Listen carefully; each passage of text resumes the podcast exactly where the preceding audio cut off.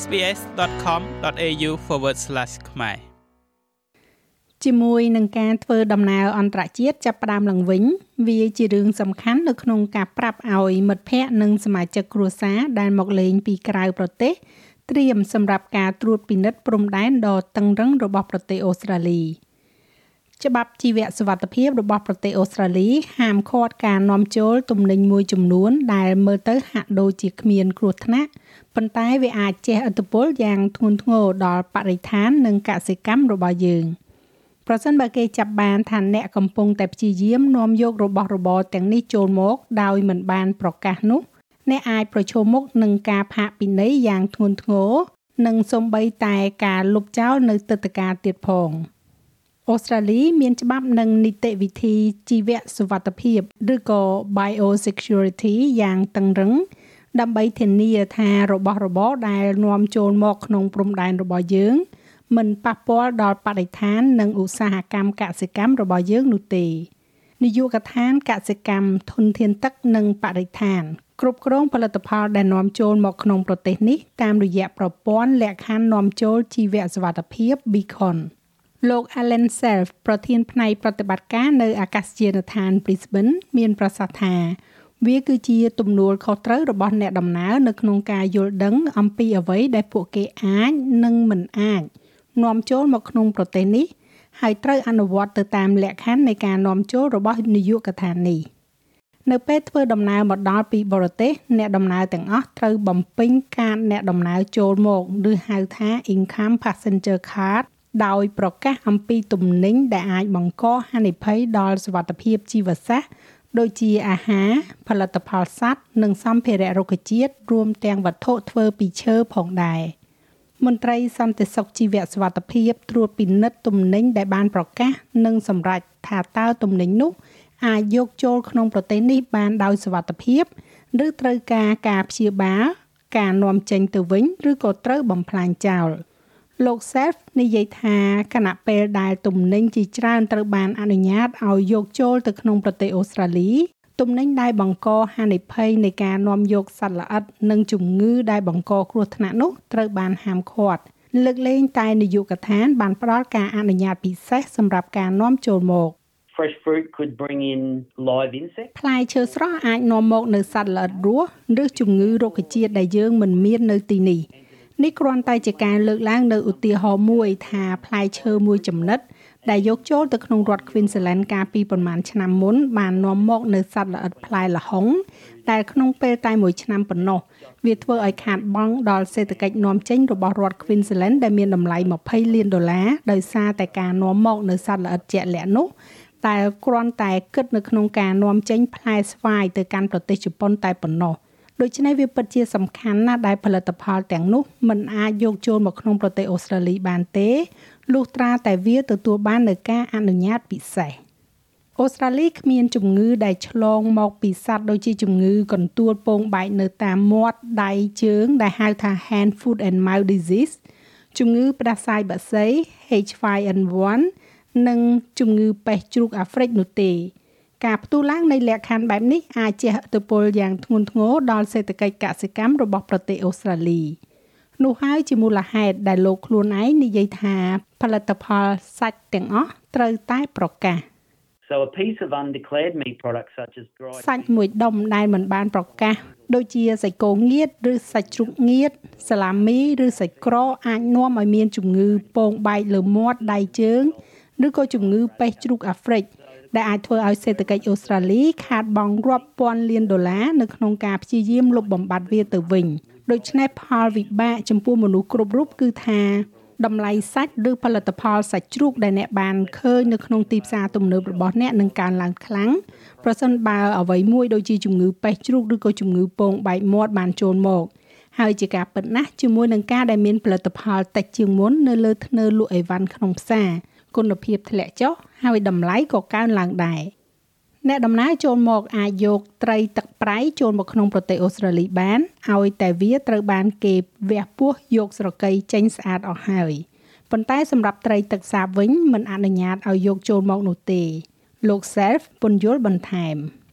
You aren't allowed to bring filleted fish អ្នកអនុញ្ញាតឲ្យយកចូលត្រីដែលបានប្រលេះស្អាតរួចហើយចូលមក លើកលែងតែជាត្រីទឹកសាបដូចជាត្រី salmon ឬក៏ trout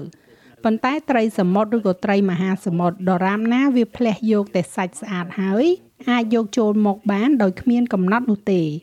ប៉ុន្តែបើយកត្រីមកទាំងមូលចូលមក អ្នកត្រូវតែវះពោះនិងយកស្រកីចេញគ្រឿងក្នុងត្រីត្រូវតែយកចេញឲ្យអស់ហើយវាមានកម្រិតកំណត់ត្រឹម10គីឡូក្រាម ជាថ្មីម្ដងទៀតជំងឺដែលជាប់មកជាមួយត្រីគឺស្ថិតនៅក្នុងពោះនិងស្រកីក្រអូបមាត់របស់ត្រីប្រភេទជាក់លាក់នោះអាហារផ្សេងទៀតរួមទាំងផលិតផលទឹកដោះគោនំខេកទឹកឃ្មុំនិងអាហារសមុទ្រជាកម្មវត្ថុនៃការត្រួតពិនិត្យទំនិញដូចជាអង្ករគ្រាប់ធញ្ញជាតិជាទូទៅត្រូវបានរឹតបន្តឹងមិនឲ្យយកចូលមកក្នុងប្រទេសនេះសម្រាប់ការប្រើប្រាស់ឯកជននោះទេ bags of rice, bags of pulses. អង្គគ្រាប់ធញ្ញជាតិមានដូចជាគ្រាប់ពូជគ្រាប់សណ្តែកសណ្តែកបាយសណ្តែកសៀងសណ្តែកក្រហមទាំងនេះគឺជារបស់ដែលអូស្ត្រាលីពិតជាដាំដុះបានលូតលាស់ល្អខ្លាំងណាស់ហើយដោយសារតែយើងដាំដុះបានល្អយើងអាចនាំចេញស្តុកលើសរបស់យើងទៅកាន់ទីផ្សារពិភពលោកយើងកំពុងរកប្រាក់ចំណូលចូលមកក្នុងប្រទេសនេះដូច្នេះហើយប្រសិនបើអ្នកនាំទំនិញទាំងនេះពីបរទេសមក វាអាចនឹងកើតជំងឺថ្មីថ្មីបានយ៉ាងងាយ ដូច្នេះគ្រាប់ពូជដំណាំក៏ដូចជាស្រូវសាលី ស្រូវបាឡេសណ្តែកដីឆៅវាក៏ស្ថិតនៅក្នុងប្រភេទគ្រាប់ធញ្ញជាតិដូចគ្នាដែរលុះត្រាតែមានលិខិតអនុញ្ញាតនាំចូលត្រឹមត្រូវបើមិនដូច្នោះទេសុទ្ធសត្វរស់រុក្ខជាតិកំណាត់ឈើផលិតផលធ្វើអំពីឈើនិងសម្ភារៈជីវសាស្ត្រផ្សេងទៀតក៏មិនត្រូវបានអនុញ្ញាតដែរទោះជាយ៉ាងណាគ្រាប់ពូជសម្រាប់ដាំដុះត្រូវបានអនុញ្ញាតលោកសែលពន្យល់ seeds for sowing must be declared. គ្រាប់ពូជសម្រាប់ដាំដុះត្រូវតែប្រកាសព្រោះថាវាអាចត្រូវបានអនុញ្ញាតប៉ុន្តែយើងត្រូវពិនិត្យមើលមូលដ្ឋានទិន្នន័យរបស់យើងជាមុនសិនដើម្បីប្រកាសថាប្រភេទគ្រាប់ពូជជាក់លាក់នោះគឺត្រូវបានអនុញ្ញាតឬក៏ត្រូវបានអនុញ្ញាតឲ្យយកចូលមកក្នុងប្រទេសហើយម្យ៉ាងទៀតគ្រាប់ពូជណាដែលចង់នាំយកមកត្រូវតែវេចខ្ចប់ជាលក្ខណៈពាណិជ្ជកម្មហើយត្រូវមានឈ្មោះរុក្ខសាស្ត្រត្រឹមត្រូវនៅលើសម្បកវេចខ្ចប់ ទើបយើងអាចពិនិត្យមើលឲ្យច្បាស់ថាប្រភេទជាក់លាក់នោះត្រូវបានអនុញ្ញាតឬអត់លោក Seth និយាយទៀតថាផលវិបាកនៃការដែលមិនប្រកាសទំនិញទាំងនេះ គឺអាចធ្ងន់ធ្ងរណាស់ Those fines uh, they could range from ការផាកពិន័យទាំងនោះអាចមានចាប់ពី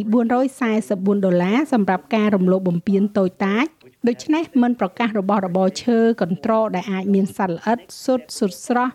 គឺផាក444ដុល្លារ ជំហានបន្ទាប់នៃការផាកពិន័យគឺ1332ដុល្លារដែលជាការពិន័យចំនួន6ដែលអាចនិយាយបានថាសម្រាប់ការមិនប្រកាសអំពីផ្លែឈើស្រស់ប្រហែលជាការផាកពិន័យធ្ងន់ធ្ងរបំផុតដែលមន្ត្រីជីវសុវត្ថិភាពអាចផាកនៅនឹងកន្លែងបាននោះគឺ2600ដុល្លារហើយនោះនឹងជាការដែលមិនប្រកាសផលិតផលសាច់ លោកបានចង្អុលបង្ហាញថាប្រសិនបើទំនិញដែលមិនទាន់បានប្រកាសផ្ដល់ហានិភ័យដល់សុវត្ថិភាពជីវសាស្ត្រយ៉ាងសំខាន់នោះអ្នកដំណើរដែលព្យាយាមនាំចូលទំនិញទាំងនោះអាចនឹងត្រូវបានបដិសេធមិនឲ្យចូលមកក្នុងប្រទេសអូស្ត្រាលី។ So certain ដូច្នេះការចាត់ថ្នាក់ជាក់លាក់នៃទឹកតការសម្រាប់ការចូលមកប្រទេសអូស្ត្រាលីអាចមានគ្រោះថ្នាក់ហើយនោះអាចជាទឹកតការកូនសិស្សទឹកតការលេខ